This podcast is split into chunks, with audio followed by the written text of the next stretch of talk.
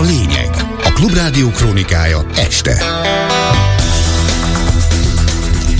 18 óra múlt 3 perccel, ez a lényeg, a Klubrádió hír összefoglalója a mikrofonnál, Suba Krisztina híreink röviden.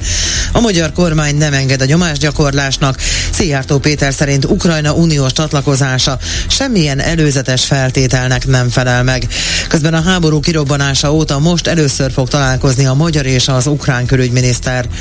Már lehet regisztrálni koronavírus oltása az EST rendszerben, bár többen jelezték, hogy probléma van a regisztrálással és enyhébb időre számíthatunk holnap, és de jön majd az újabb csapadék. Következzenek a részletek. A kormány nem enged a nyomásgyakorlásnak az ukrán EU csatlakozási tárgyalások ügyében, közölte Szijjártó Péter külgazdasági és külügyminiszter Brüsszelben. Az uniós külügyi tanács ülésének szünetében tartott sajtótájékoztatóján arról számolt be, elképesztő nyomásgyakorlás zajlik mind a politikai, mind a média térben.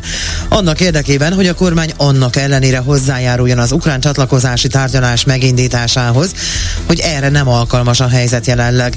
Ezt elfogadhatatlannak nevezte, és kiemelte, nem fogják feladni a nemzeti érdekeket, a szuverén döntéshozatal jogát próbálnak rávenni minket egy olyan döntéshez való csatlakozásra, amely nem elfogadható a számunkra. Nem fogadunk el nyomásgyakorlást, mindenfajta zsarolásnak vagy kecsegtetési kísérletnek is ellenállunk. Továbbra sem vagyunk hajlandók összekeverni történelmi, stratégiai és taktikai dimenziókat. Tehát, hogyha valaki valami fajta taktikai dillel próbálna rávenni minket arra, hogy valamilyen történelmi jelentőségű kérdésben változtassuk meg a véleményünket, az jobb, ha meg sem próbálja, ugyanis megértésre és figyelemre egészen biztosan nem számíthat.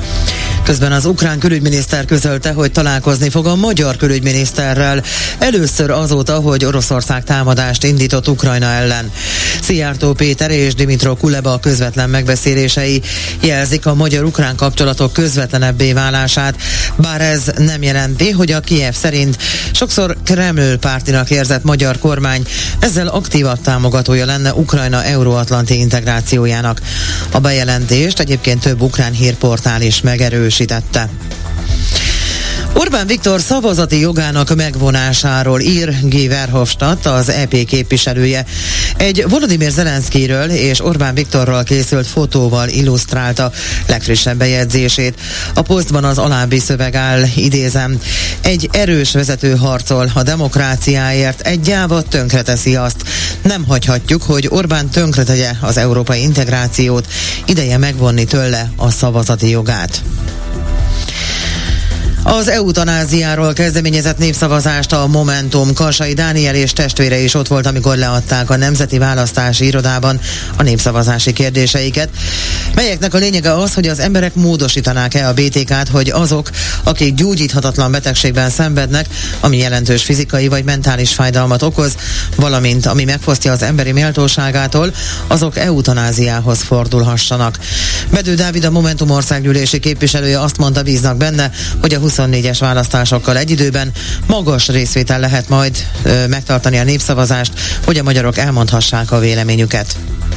Mi százszerzelékig hiszünk a szabadságban, hiszünk az emberi méltóságban, és hiszünk abban, hogy egy ember az életvégi döntéseit szabadon hozhassa meg. Tiszteletbe tartjuk azt, hogy vannak világnézetbeli eltérések közöttünk, viszont azt gondolom, hogy abban talán azért egyetértés lehet a társadalomban és a kormánypárti ellenzékiek között, hogy fontos a társadalmi párbeszéd. Fontos az, hogy beszélgessünk az ilyen meghatározó kérdésekről. És pontosan ezért nyújtottuk be ezt a népszavazási kezdeményezést, és amennyiben az MVB átengedi ezt a kérdést, Momentum teljes szervezete kint lesz az utcán, annak érdekében, hogy összegyűjtsük azt a 200 ezer szükséges aláírást, hogy valóban ebből népszavazás legyen. Nem elég módosítani a BTK-t az életvégi döntések jogi szabályozásának megváltoztatásához. A kegyes halál folyamatában esetleg résztvevő egészségügyi dolgozókra ugyanis már törvények is vonatkoznak, kommentálta a Momentum népszavazási kezdeményezését a Klubrádió által megkérdezett ügyvéd Magyar György akár át is mehet a népszavazási kezdeményezés, mert nem ütközik tiltott tárgyba, a formai tartalmi kellékeknek is talán megfelel. De BTK módosítás nem elégséges. Ennek csak akkor van értelme, ha módosítanák az egészségügyi törvényt is, az egészségügyi dolgozók vonatkozásában Karsai Dániel segítséget az egészségügyi törvénytilalma okán tőlük nem kaphat.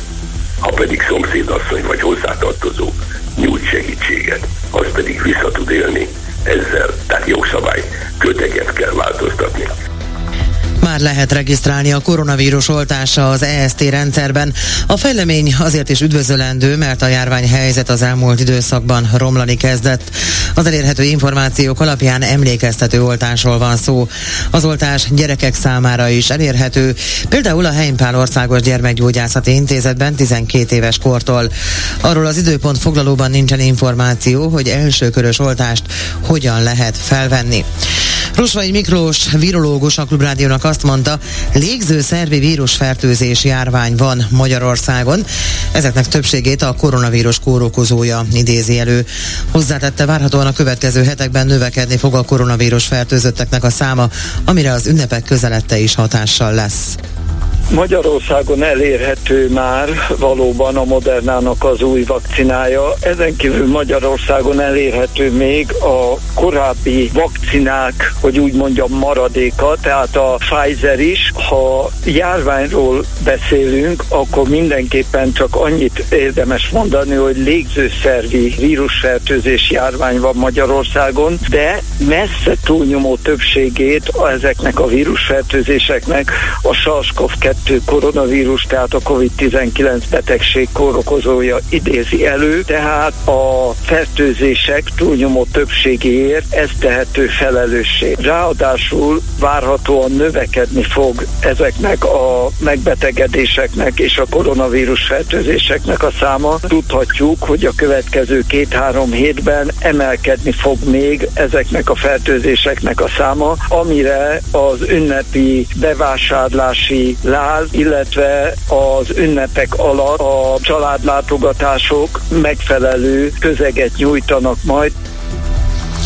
Közben többen jelezték a Klubrádiónak, hogy nem tudnak regisztrálni az EST rendszerben. Rosvai Miklóst kérdeztük erről. Ahogy fogalmazott, szerencsésnek kell lenni ahhoz, hogyha valaki elmegy az oltópontra, akkor regisztráció nélkül is megkapja az oltást.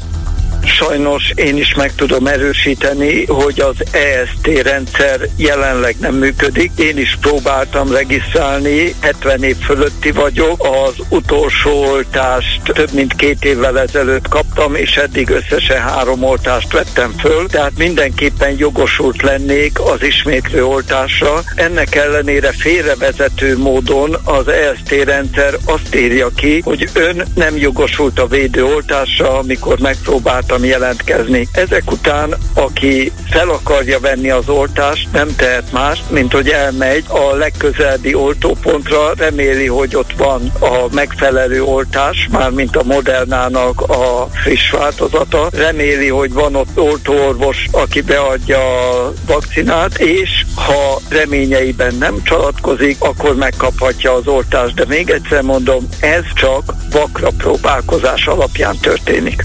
Végül a várható időjárásról holnapra ismét nagy területen válhat párássá, ködösé a levegő. Napközben viszont számíthatunk napsütésre, viszont délután többfelé kell készülni elsőre, a nyugati szél megérénkül. A hőmérséklet csúcsértéke holnap délután 4 és 12 fok között várható. Jövök vissza a hírekkel legközelebb 19 órakor, most pedig folytatódik az Esti Gyors Dési Jánossal. A lényeget hallott